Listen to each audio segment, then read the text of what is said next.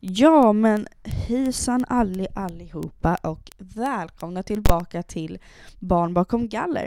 Eh, det var riktigt länge sedan faktiskt som jag eh, spelade in. 10 juni kollade jag upp att det senaste avsnittet kom ut.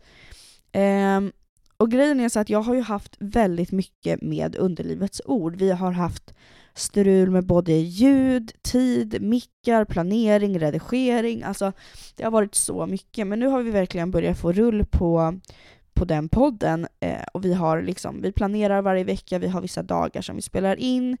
Vi bestämmer alltid vem som ska redigera, vilka tider, vilka dagar som det ska komma ut och så vidare. Så nu har vi löst det väldigt bra. Eh, och då tänkte jag att då kör vi igång igen med Barn bakom galler. Jag startade ju som sagt två poddar ungefär samtidigt utan att egentligen ha någon erfarenhet eh, av poddande, ljudredigeringar, absolut ingenting. Och det blev väldigt mycket och stressigt och, och så vidare. Men nu har jag styrt upp underlivets ord och då tänker jag att då, då kör vi här igen. Eh, och också för att jag tycker att det är väldigt, väldigt kul med alla meddelanden som jag får. Jag får i alla fall minst en gång i veckan där folk liksom skriver att nu har jag sträcklyssnat barn bakom galler flera gånger och när kommer nästa avsnitt ut? Det är så jäkla kul att höra på. Eh, så att vi kör nu helt enkelt igen. Eh, och eh, som sagt, jag, jag, jag, kan, jag har fortfarande inte kommit fram till vilken dag ska jag släppa avsnitten. Eh, men jag funderar nästan på om jag ska släppa dem antingen samma dag, eh, fast senare liksom på dagen, eh, som, jag har, som jag släpper eh, Underlivets ord. Eh, men jag, jag funderar på jag tror att det kommer bli onsdagar, för då har jag liksom tisdagen och onsdagen. Eh, för att på på onsdagar så brukar vi spela in nya avsnitt till Underlivets ord och vi ligger alltid ett avsnitt i förväg, vilket är ganska skönt. Um, och sen så, så jag tror att det blir ganska bra att jag liksom då har tisdagen och onsdagen som poddagar, både att det släpps en podd, men också att jag kan liksom spela in, så att jag spelar in Underlivets ord på onsdagen eh, och sen så på tisdagar så spelar jag in Barn bakom galler, så blir det liksom eh, två dagar i veckan som man liksom Ehm, ägnar sig åt just poddandet. Ehm, men sak samma, ni vill ju inte höra våran eller min planering, det är väl ganska ointressant för er som inte liksom poddar. Ehm, först så, jag spelade, började faktiskt spela in ett avsnitt alldeles precis, men gjorde om det här nu för att um, jag började läsa en artikel som jag trodde från början handlade om just Statens institutionsstyrelse. Men det kom fram senare att det här handlade om ett LVM-hem. Eh, och artikeln var ju, kan ju vara ganska intressant, men jag känner inte att jag vill läsa om någonting där jag inte känner mig speciellt insatt. Eh, så att vi kör om här nu och eh, då tänker jag att jag berättar igen eh, att Ehm, alla ni människor, unga unga människor som, som ofta skriver till mig och berättar att ni mår väldigt dåligt, ni vill ha tips på hur man slutar självskada och sådär. Jag eh, aktivt så svarar inte jag er och det är inte för att jag vill vara elak eller för att jag eh, inte ser er och ignorerar er, eh, utan det handlar om att jag är inte en professionell människa och jag kan inte ge tips eh, som är bra, för jag vet inte riktigt heller vad det är som kan trigga. Jag kan inte säga någonting, eh, för att det är inte min det är inte min plats att liksom säga någonting. Och samtidigt, jag har fortfarande ett självskadebeteende och jag vet att många människor har ett självskadebeteende hela livet. Eh, och innan någon reagerar på att jag har ett självskadebeteende och har barn så är det självklart att mina barn inte märker av mitt självskadebeteende. Och jag har även psykologhjälp. Jag går igenom en ny utredning nu, vilket också kan vara ganska intressant. Jag tänker att vi kan ta det i nästa veckas avsnitt helt enkelt. Det här med diagnoser, hur det kan påverka en i vardagen, både som barn, tonåring och i vuxen ålder. Och även som förälder. Eh, men eh, som sagt, jag har fortfarande ett självskadebeteende eh, och det kan vara att jag skadar mig själv eller att jag använder människor för att skada mig själv. Eh, sen har ju det såklart blivit väldigt, väldigt mycket mindre med åren. Så att jag känner inte att jag eh, är en person att berätta för dig och ge tips till er människor som skriver hur man blir av med det eftersom att jag fortfarande inte riktigt är där än. Men jag ser er som skriver och jag vill också säga det till alla andra som lyssnar på det här avsnittet som skriver till mig. Jag har jätte, jättemycket meddelanden. Jag vet inte exakt hur många det är, 500 plus kanske. Jag kollar igenom det här men det kommer bara nytt och nytt och nytt och nytt och jag blir jätteglad verkligen. Eh, och det är just för att jag blir så pass glad eh, som jag inte svarar för att jag vill kunna läsa igenom eh, varje meddelande och verkligen kunna lyssna och, och ta åt mig och svara Eh, personligt för att jag, jag, ser, jag vill se alla människor och inte bara skriva ett kedjemeddelande som jag bara liksom skickar iväg utan jag vill verkligen skriva till er alla för att eh, för att ni, ni, betyder mycket för mig helt enkelt. Men, eh, oh, vänta, jag måste bara sätta mig. Jag tänkte att det var väldigt skönt att sätta sig i sängen, vilket det är, men jag satt jättekonstigt. Jag, eh, idag så tänkte jag faktiskt berätta om två två, blir två eller tre, jag vet inte exakt. Eh, oj, vänta. Artiklar som jag har varit med i som har skickats ut till, nu vet inte jag exakt, den första tidningen har jag svårt att veta vilken det var. Den andra är Dagens eh, ETC, där jag har varit med och berättat en historia öppet på, um, i olika artiklar eh, om både mitt liv och mina år. Eh. Så att jag tänker att jag börjar helt enkelt och den första här är en rapport som eh, Olle och Jonas som jag arbetar med ibland, de har alltså en organisation som heter Ung inlåst där de hjälper ungdomar eh, med sina rättigheter, de skriver böcker, de åker ut till ungdomshem och eh, hjälper ungdomar att skriva sina egna historier. Eh, de skickar som sagt nu insändare, rapporter och så vidare för ungdomar som, som sitter inlåsta och är frihetsberövade. Så att eh, jag tänkte att jag sätter igång nu direkt och det här är då en rapport som de skickade in för ungefär två, tre månader sedan. Jag tror att i den här artikeln så kallas jag för Sara eller liknande, jag kommer inte exakt ihåg vilket namn det var. Men... Saknar sitt hem, hon saknar sina kläder och hon hatar den där känslan att vara minst i världen. Hon är inlåst i skogen, en av Sveriges minsta städer. Inget svar från socialen, hennes hjärta blir uppätet. Ey, ey. I den svåraste tiden i mitt liv fanns det ingen som tröstade mig. Alla nätter jag gråtit ensam. Gud kan du höra mig i en skola omringad av taggtråd där alla barnen skadar sig Och bakom galler och text är jag inlåst Det finns ingen som tröstar mig på en rastgård och bränner erbjuden droger och sex på alla, fy, av fyra olika män. Det hände aldrig på hemmet. Eh, det är, där är det mer trakasserier, alltså flörtar eller att de tafsar. Utan det var på utevistelser när man fick åka ut med en personal. På ett av hemmen åkte man ut med en personal som kunde säga att du hade väl inte så många sig. Kan du göra det här så går jag in och köper två paket till dig. Ibland var det inte bara sex utan handlade om sexuella handlingar. Det har varit svenska män över 40 år. Många av oss har inte haft bra föräldrar. Jag till exempel har ingen bra pappa. Då blir dessa män på SIS lite av fadersgestalter. Då blir det som att man öppnar upp sig. För, då blir det så att man öppnar upp sig. Man, kan, man kanske öppnar upp sig först innan det. Det här med sex blir en fråga. Så person, personen vet vilket liv man har haft. Eh, det är det som gör det så hemskt. Det kanske är därför de tänker att personen är svag att de, inte, att de kan utnyttja det här. Jag såg också en annan tjej på avdelningen som inte hade några sig eller pengar komma tillbaka från en utevistelse med manlig personal och plötsligt har hon flera paket sig. Hon är ledsen och man förstår vad som har hänt. En annan gång var det en tjej som var 14 år. När hon sa att hon skulle berätta var det en man i personalen ett, förlåt mig, när hon sa att hon skulle berätta vad en man i personalen gjort för en kvinnlig personal som hon litade på jättemycket så ringde de hennes SOS och sa att de trodde att hon hallucinerade. Så hon fick jättemycket skit för att hon berättade. Så det var ingen annan som vågade berätta någonting. Personalen sa att de trodde att hon typ hade fått någon psykos eftersom hon hade rökt hasch innan. Den kvinnliga personalen påstod, påstod att den här personalen, han är jättesnäll och det är inget fel på honom. Efter det så vågade man ju verkligen inte säga någonting till någon. Jag sa inte ens något till min mamma.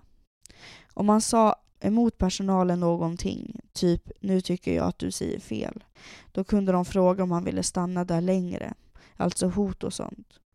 Det var, var hur mycket som helst. Typ, jag kan se till att du får stanna här tills du fyller 21. Vi kan säga till din soc att du knarkar och slåss med oss. Det var en eh, artikel. Ehm, och inte jättelång artikel och det här var liksom, de har tagit ut, jag var ju på en intervju med dem eh, och berättade liksom från början till slut skulle man kunna säga. Och de tog ut då mina kommentarer och gjorde det till den här rapporten. Eh, och jag tyckte verkligen att de gjorde det jättebra. Eh, men sen också, jag tror att det var två, tre kanske, eh, dagar senare var jag med i en ny artikel. Och det var i dagens ETC. Och jag tänker att jag går in på den artikeln direkt. Eh, då heter det så här. De kunde fråga om man ville ha extra, en extra undring i veckopeng. En artikel av Sofie Axelsson. Hennes barndom har kantats av otrygga boendeförhållanden, missbruk i familjen och en utsatthet för sexuella övergrepp, även på hemmen dit hon tagits för att skyddas. Eh, nu ska vi se om jag hittar... Eh, när Liv Grenell föddes satt hennes pappa i fängelset. Mamman var bara 15 år. När hon var ett och ett halvt år flyttades hon runt bland jour, olika jourhem. När hon var tre till ett familjehem, till sin biologiska pappa vid 12 års ålder och därefter ett antal sishem och gruppboenden. Pappan bjöd på droger. Li beskriver sin pappa som en narcissist.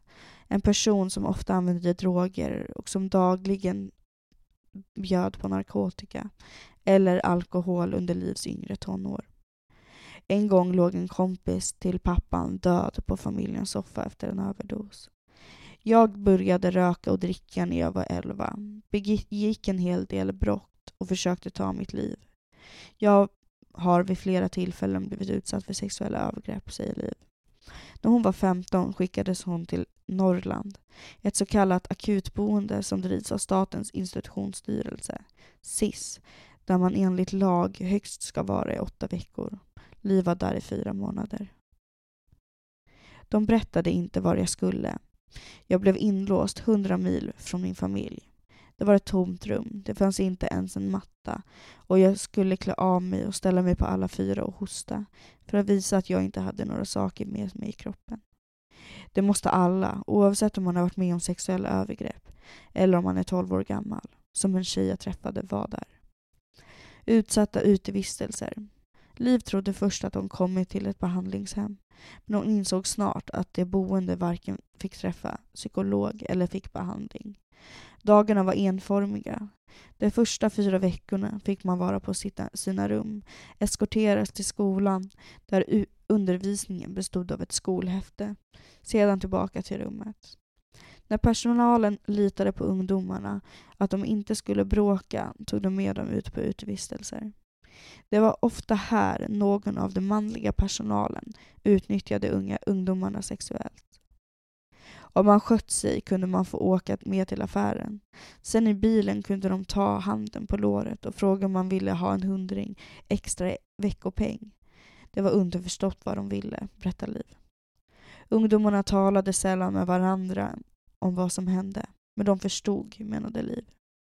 När någon kom tillbaka med fyra ciggpaket som de visste att hen inte hade haft råd med annars. Fortsatt tufft liv. Liv är nu 21 år, är influencer och pluggar till undersköterska. Hon bor i en egen lägenhet med sina två barn. Nu är livet bättre, men fortsatt tufft. Hon berättar att hon inte orkat anmäla sin förövare. Jag har PTSD och jag ska få behandling för det. Jag har svårt för att åka tåg och vara i folksamlingar. Planen är att jag ska flytta tillbaka till min till min fosterfamilj när jag pluggat klart. Och så små... Det stämmer inte riktigt. Jag, jag ska alltså flytta tillbaka till där jag växte upp. Eh, och så småningom kunna leva igen, säger hon. Larm om övergreppen på ungdomshem. Eh, då finns det alltså, en, då har de lagt till den här, um, det här är en Adolf Diaz och han, eh, det här är då, sam, det är också i eh, dagens ETC, men eh, det är den här texten där jag är med lite kort och berättar. Det här är också en rapport. Eh, så att jag, och där, eh, ska vi se, sist hem i Mellansverige. Ja, det här, här är jag också med eh, som en anonym källa då. Ehm. Larm om övergreppen på ungdomshem. Det är där för att behandlas för psykosociala problem, ofta efter att själva råkat ut för övergrepp. Men en ny rapport larmar nu om att ungdomar i tvångsvård utnyttjas sexuellt och råkar ut för nya övergrepp under vården. Det är ett misslyckande från samhällets sida, säger en av rapportförfattarna. Jag blev våldtagen på ett SIS-hem i Mellansverige. Jag har bott på tre SIS-hem och har blivit erbjuden droger mot, mot sex på alla. Ens ord är ingenting mot personalens ord. I en färsk rapport från organisationen Skyddsvärnet går ett flertal ungdomar ut och vittnar om sexuella övergrepp och trakasserier som de råkat ut för när de har varit intagna på SIS-hem, där unga tvångsvårdas för psykosociala problem. Och även om det handlar om enstaka vittnesmål anser författarna till rapport, rapporten att det tydligt visar hur unga i tvångsvård, en av samhällets mest sårbara grupper, återkommande sviks av myndigheterna. Det är ju jätteallvarligt när, det här, när, när de här gruppen unga med all den problematik de har med sig omhändertas, sätts på ungdomshem och där utnyttjas för nya övergrepp. Det är ett misslyckande från samhällets sida, säger Olle Eriksson från Skyddsvärnet som varit med och skrivit rapporten. Olle, Olle Eriksson är alltså eh, en person som jag... Eh, han är, det är alltså Olle och Jonas som har organisationen Ung Inlåst eh, och även Skyddsvärnet. Ehm, anmält för mycket. Vittnesmålen i rapporten kommer från både flickor och pojkar, alla över 18 år numera och numera utskrivna från tvångsvården. Övergreppen de berättar om spänner från fysiskt våld, kränkande kommentarer till rena sexuella övergrepp.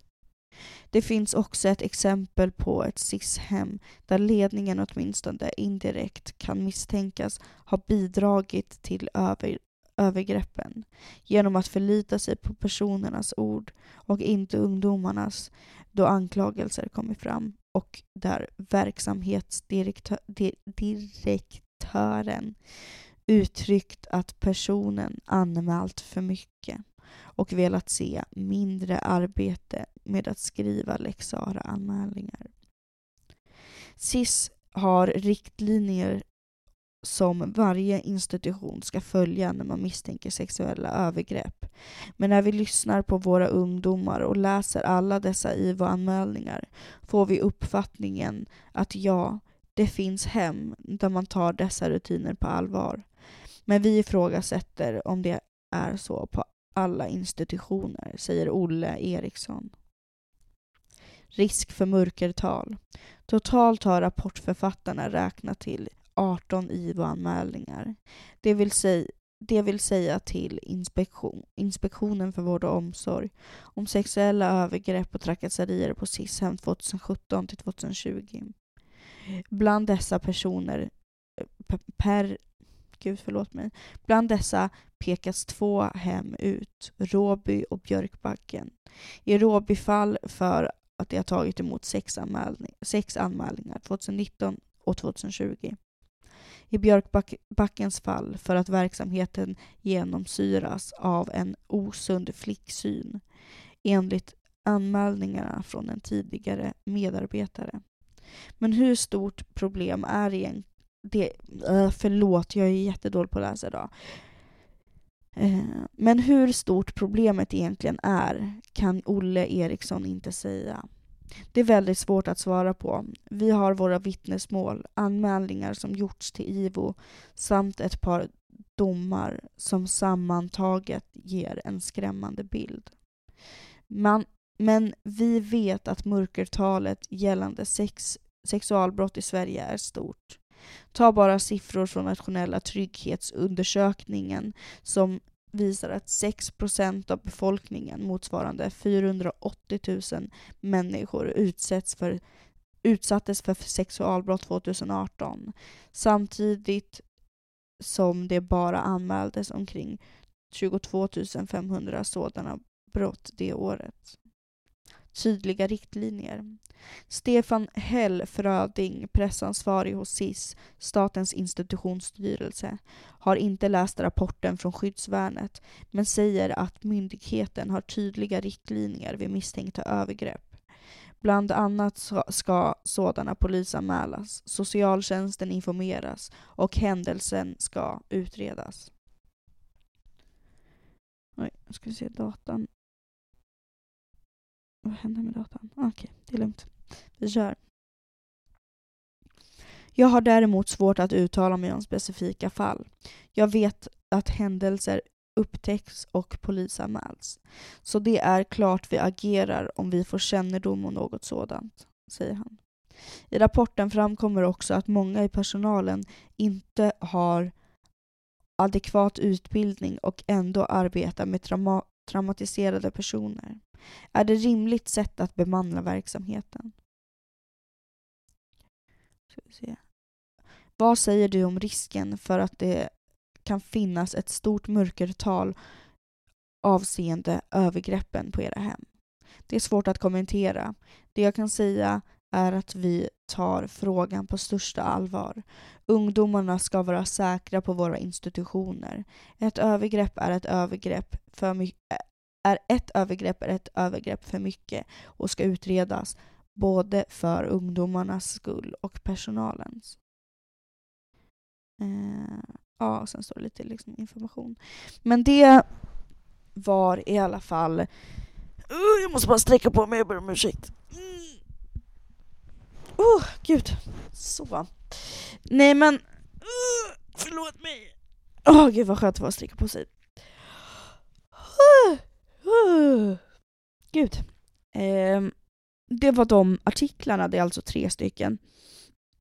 Eh, den första artikeln handlar då om, det är också en, vad heter det, där är jag eh, anonym eh, och berättar då om de tre SIS-hemmen som jag bodde på.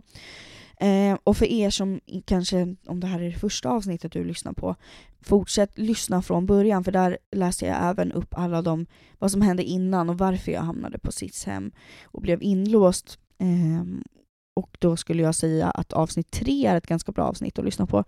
Men jag berättar även om de sexuella övergreppen som, som skedde, eh, och inte i detalj, men jag berättade vad man liksom tror, för att som sagt, man är ung, och många som jag hade varit med om sexuella övergrepp och känt den här besvikelsen av, från vuxna människor, eh, och framförallt män då, eh, och hamnar då på ett hem där man tror att men gud, här kommer jag få hjälp. Och man blir återigen bara besviken.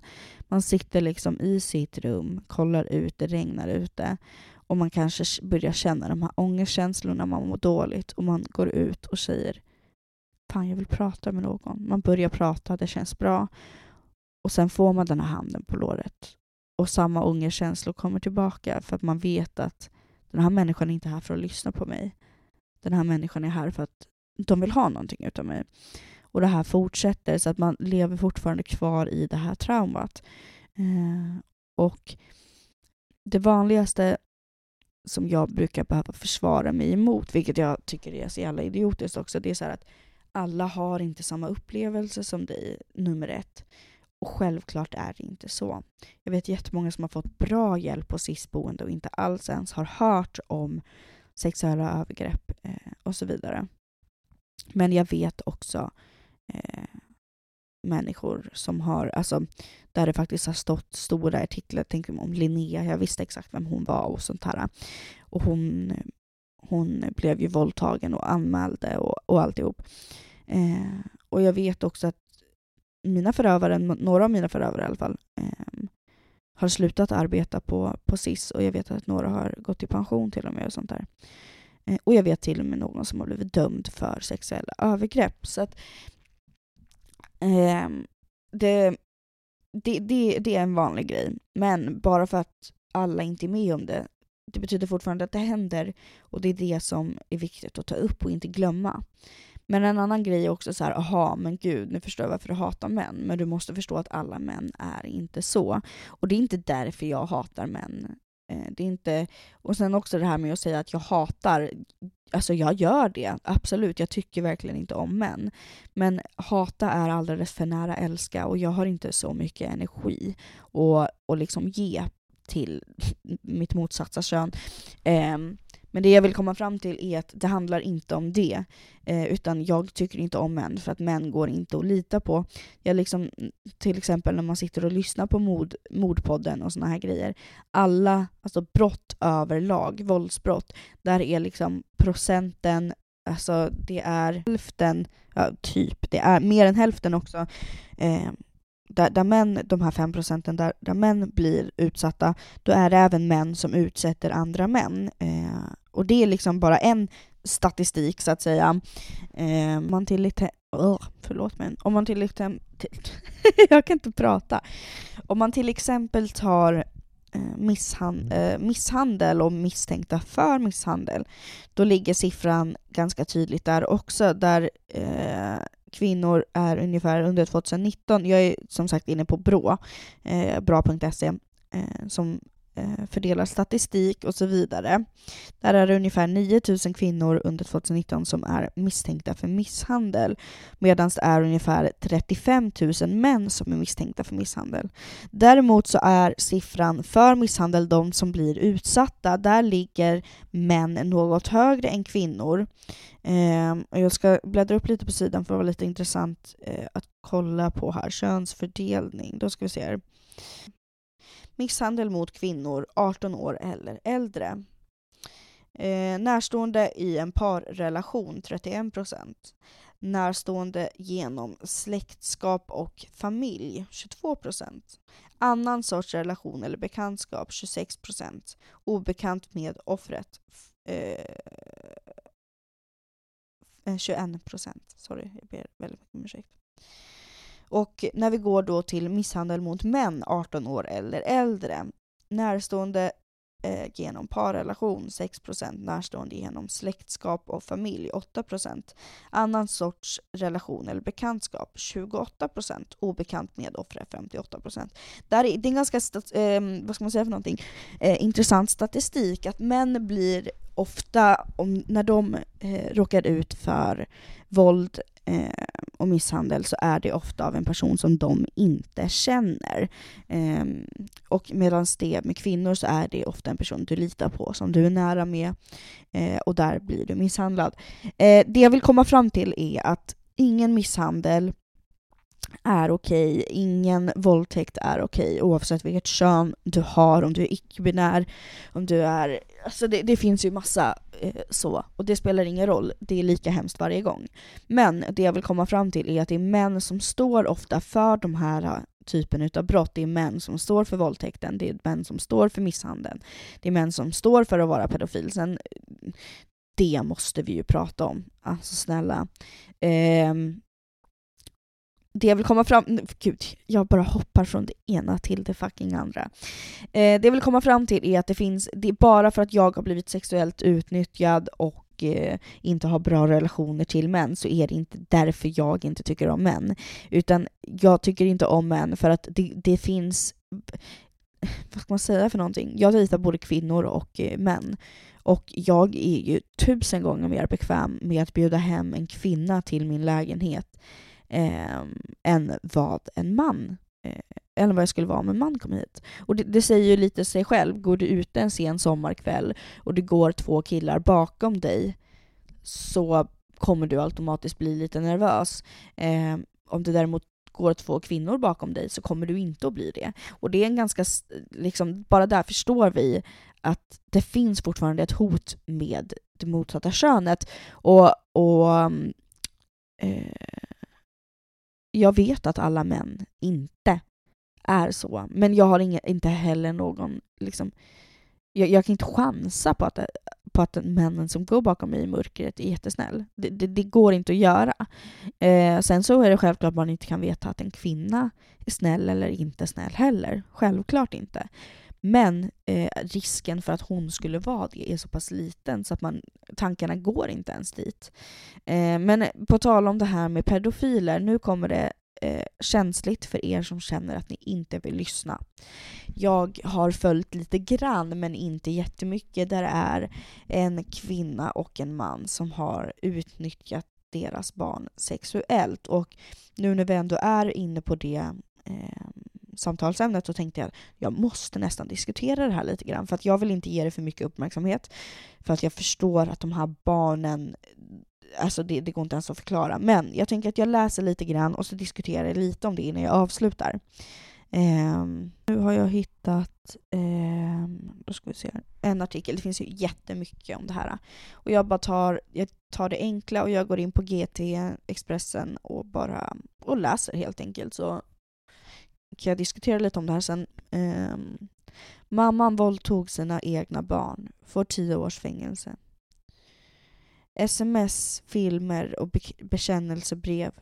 Det är bevisen som fällde mamman som stått åtalad för att ha våldtagit sina egna barn och filmat övergreppen. Idag dömdes hon till, på nästan alla åtalspunkter till tio års fängelse. Hennes pojkvän döms till sex och ett halvt års fängelse och Eh, för att ha beställt flera av sexbrotten. I november förra året grep, greps mamman i 25-årsåldern som misstänkt för bland annat våldtäkt mot barn i hemmet i Jönköpings län.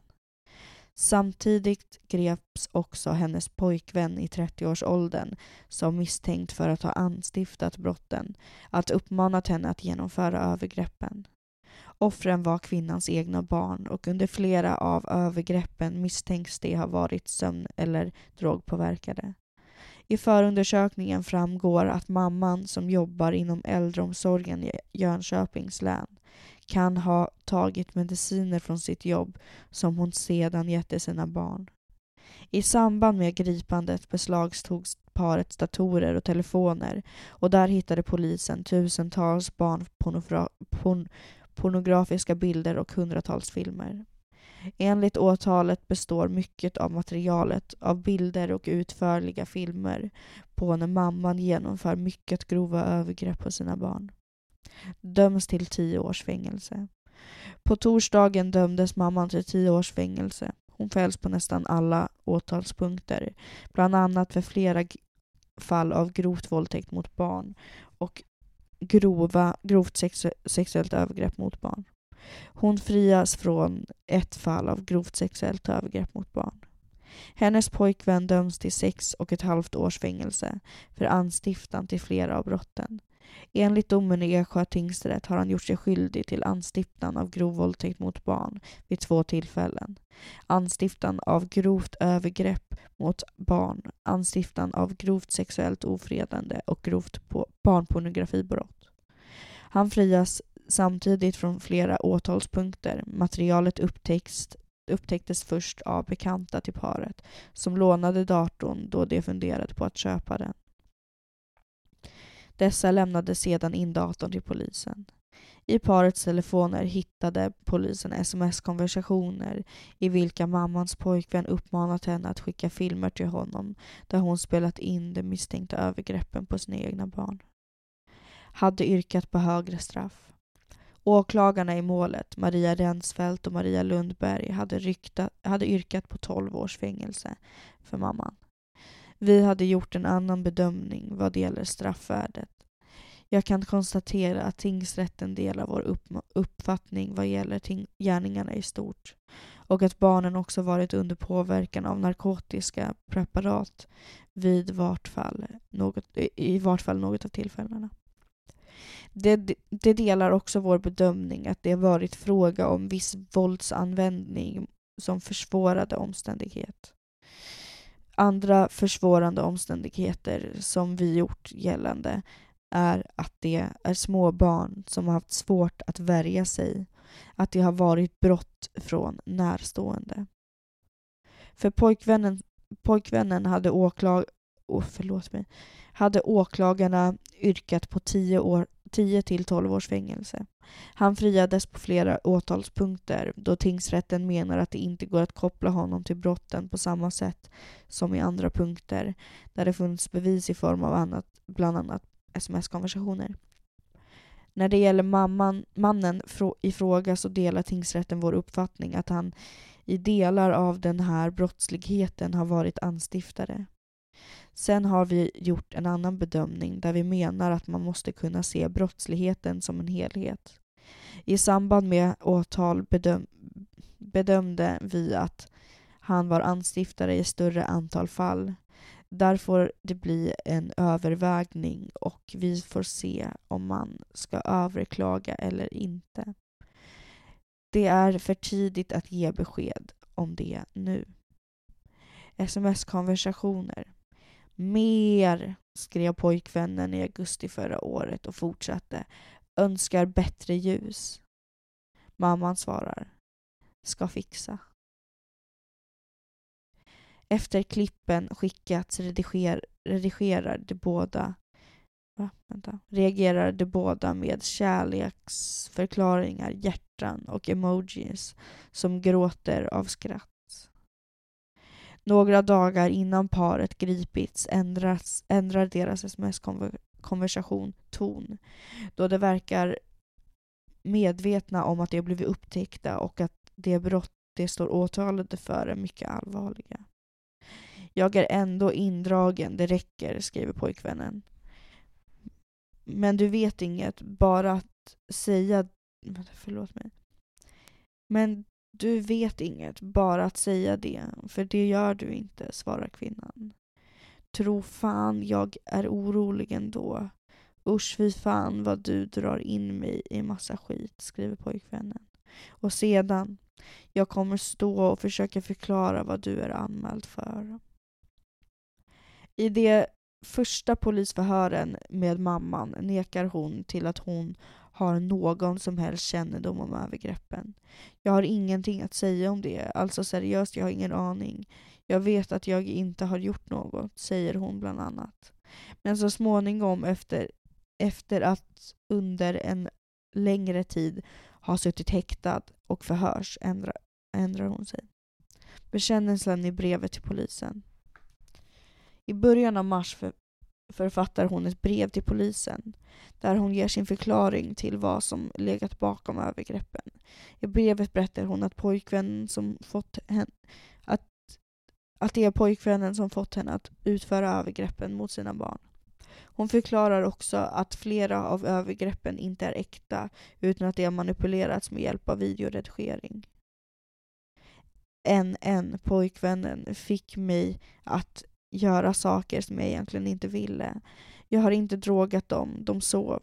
Det var inte, det var inte heller så som det ser ut på video. Jag klippte ihop och la till ljud med en app som heter Video Editor, menar mamman. Utöver övergreppen har hon dömts för att ha utfört Vänta. utöver övergreppen hon dömts för, för att ha utfört på sina egna barn dömdes mamman också för kränkande fotografering av äldre personer på sina jobb inom vården. Även här skyllde hon i brevform på sin pojkvän. Jag gjorde allt för att slippa eh, och under en tid så lyckades jag att slippa göra något. Då ville en, en pojkvännen att jag skulle göra saker med vårdtagare. Så jag sökte på Google efter saker han bett mig om. Sen klippte jag ihop det och la, la till ljud så att han skulle tro att det var jag på videorna, säger mamman. Men hon fortsätter. Men han såg till slut att det inte var jag. Sen gick det ett tag Sen gick det ett tag, sen ville han att jag skulle göra, göra det på riktigt. Då hittade jag bättre videos som jag klippte ihop och la till mer ljud. Jag kommer få leva med detta, men sanningen måste fram. Pojkvännen frias däremot för anstiftan av kränkande fotografering. Pojkvännen har inga bra svar. Pojkvännen har redan från start nekat till all in inblandning i övergreppen. När han under polisförhör fick, höra, fick ta del av sms-konversationerna mellan honom och mamman där han ses uppmana henne till att skicka filmer och bilder på övergreppen menar han att det inte är han som är avsändaren. Jag vet inte hur jag ska reagera. Jag har inga bra svar. Jag har inte skrivit detta till henne. Jag kan inte svara på vem som har skrivit detta. Spontant kan jag tänka mig att det är mamman själv, säger mannen i förhör. Åklaga, åklagarna Maria Rensfeldt och Maria Lundberg har i en tidigare intervju med GT berättat att de yrkar 12 års fängelse för mamman och 10 års 10 till 12 års fängelse för pojkvännen. Det baseras på, på att det dels är ett stort åtal, det är omfattande övergreppstillfällen, det är närstående barn till kvinnan och det har skett där barnen ska ha, känna sig trygga i deras bostad. Att det blir lägre för mannen är för att han döms för anstiftan till de här brotten och då blir det något lägre enligt praxis, säger Maria Lundberg. GT söker kvinnans och mannens advokater. De har tidigare avböjt att kommentera målet. Ja, det var den artikeln och hela den här grejen är ju bara... Den är sjuk. Eh, och grejen är så att, att det här... Eh, vad ska man säga för någonting?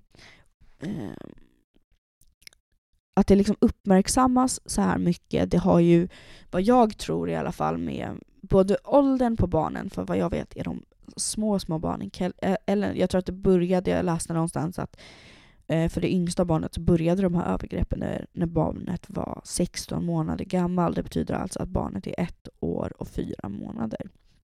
Vilket är så fruktansvärt äckligt oavsett vilken ålder barnen är i så är det äckligt, det är alltid äckligt eh, det jag vill komma fram till är att jag tror att åldern på barnen gör att det uppmärksammas, men framför allt att det är en kvinna som genomför de här grepp, övergreppen. Um, och jag vet också att det är många kvinnor som gör såna här grejer mot barn, det är inte ovanligt, uh, tyvärr. Men jag tror också att det, alltså hade det varit en man så hade det absolut uh, uppmärksammats, men jag tror inte att det hade gjort det i samma utsträckning faktiskt. Um, och äh, men hela den här grejen är sjuk, jag vet inte riktigt vad jag ska säga om det heller.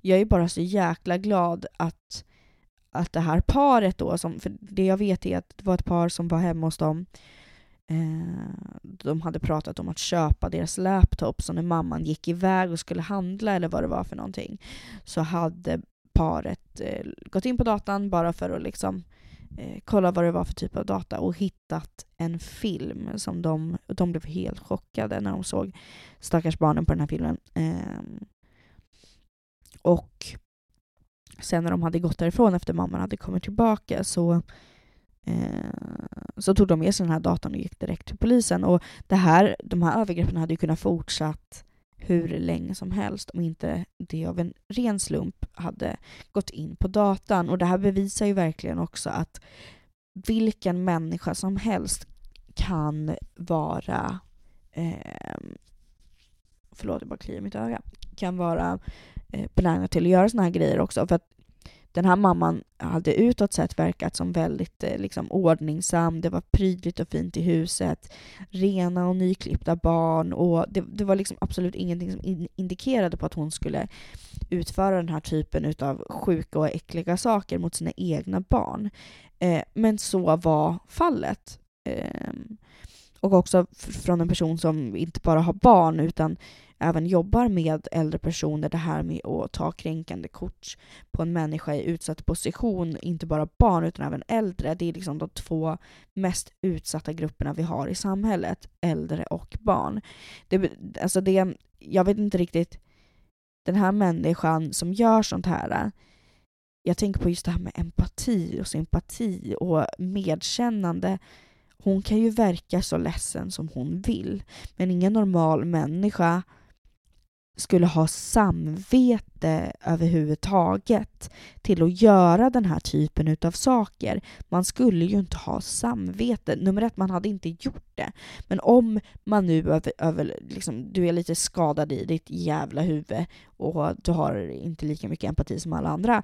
Eh, om du nu gör den här typen av grejerna så hade ju skulden tagit död på en. Och det här, hon fortsätter ju med det här äh, under en väldigt lång period utav utav sitt liv. Så att det är ju någonting som inte stämmer med den här kvinnan eh, och jag hoppas verkligen att hon aldrig i sitt liv skaffar barn. Och om hon nu av någon anledning skulle göra det, att det här barnet aldrig får se hennes ansikte, helt ärligt. För att, och även det här tio års fängelse. Tio år. Varför yrkar de ens till 14 år? Typ 12 eller 14 år, vad fan det var de sa. Livstid! Vem fan släpper ut den här människan igen? Så att hon överhuvudtaget ens alltså får, vad ska man säga för någonting? Att hon överhuvudtaget får eh, möjlighet att skaffa sig ett barn. Det, det, det här någonstans jag blir arg på Sverige. Inför någon fucking tvångssterilisering på människor som är pedofiler. Är du pedofil har du ett problem, bra kom hit, chop chop, borta. Så är liksom det problemet lite löst i alla fall. Och jag menar kastrerar man en man då kan du inte ha orgasm, du kan inte komma längre. Ja men då så, då kan du inte vara pedofil längre. Jag förstår inte hur svårt det ska vara att bara choppa av folk sitt fucking underliv om de inte kan kontrollera sina egna sexuella sjuka behov. Eh, arg, arg, arg, liv är arg. Japp. Eh, och jag, jag, förstår det. Och sen så också så här, dödsstraff, snälla någon. Om du är född till en sjuk människa, ja men då dö. För att inte så här, åh, ja men personen har ju bara gått och blivit så, kan inte liksom hjälpa det. Nej men vad bra. Men istället för att då tänka på andra människor på ett sjukt sätt och utföra äckliga grejer på ett sjukt sätt, då är det väl bättre om du bara går och dör istället för att orsaka andra människors lidande. Och många, jag vet också att många tycker att sina sexuella fantasier och behov är väldigt jobbigt. Och istället då för att må dåligt själv och utföra grejer som får andra att må dåligt för resten av deras liv, gå och fucking dö! Jag förstår inte hur svårt det ska vara. Du får välja antingen dör du eller så får du aldrig mer ha en orgasm i hela ditt liv igen. Vi choppar av allting. Jag tycker inte att det ska vara så jävla svårt. För att det här med att men det är omänskligt och det är inte liksom rättvist. Men snälla, är det liksom omänskligt för barn att bli våldtagna och misshandlade och, och att kvinnor blir våldtagna till höger och vänster, det är omänskligt. Att man liksom överhuvudtaget ger någon slags sympati eller empati till människor som utför de här typen av grejer, det är sjukt. Jag, jag förstår inte Sveriges rättssystem, världens fucking rättssystem. Döda idioterna, jag, jag är arg så in i helvete.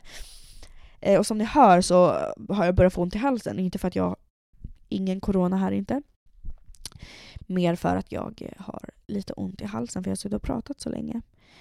Um, och det var avsnitt åtta utav Barn bakom galler. Jättekonstigt, vi pratade om allt och ingenting, men framför allt eh, det blev lite jobbigare grejer och det, det var inte min mening så, utan bara jag kör när jag får feeling. Eh, skriv jättegärna på Barn bakom Gallers Instagram, för jag har ju nämligen fått en Instagram. Så gå in och följ Barn bakom Gallers Instagram-sida och skriv jättegärna till mig med tips om vad ni vill höra. Det kan vara grejer om mig, det kan vara vissa fall som ni kanske har eh, snappat upp. Det kan vara, alltså nu är inte jag någon mordpodd eller någonting sånt, men jag, jag eh, om det kanske har med ja, men, fall om kanske barn som har avlidit eller kvinnor och sånt som kan vara lite relaterande till det som jag just pratar om här så skulle jag jättegärna vilja reflektera över någonting sånt. Men Eh, skriv till mig och berätta vad ni vill höra så syns vi igen nästa vecka. Ha det så jäkla bra, puss och kram. Hej! Omringad av taggtråd, vart vaken flera nätter och vissa soc de låser in barn de aldrig mött som de träffat yeah. på ett papper på ett jobb de aldrig skött. Ey min syster är vacker, plus hon är en krigare, hon är katten i trakten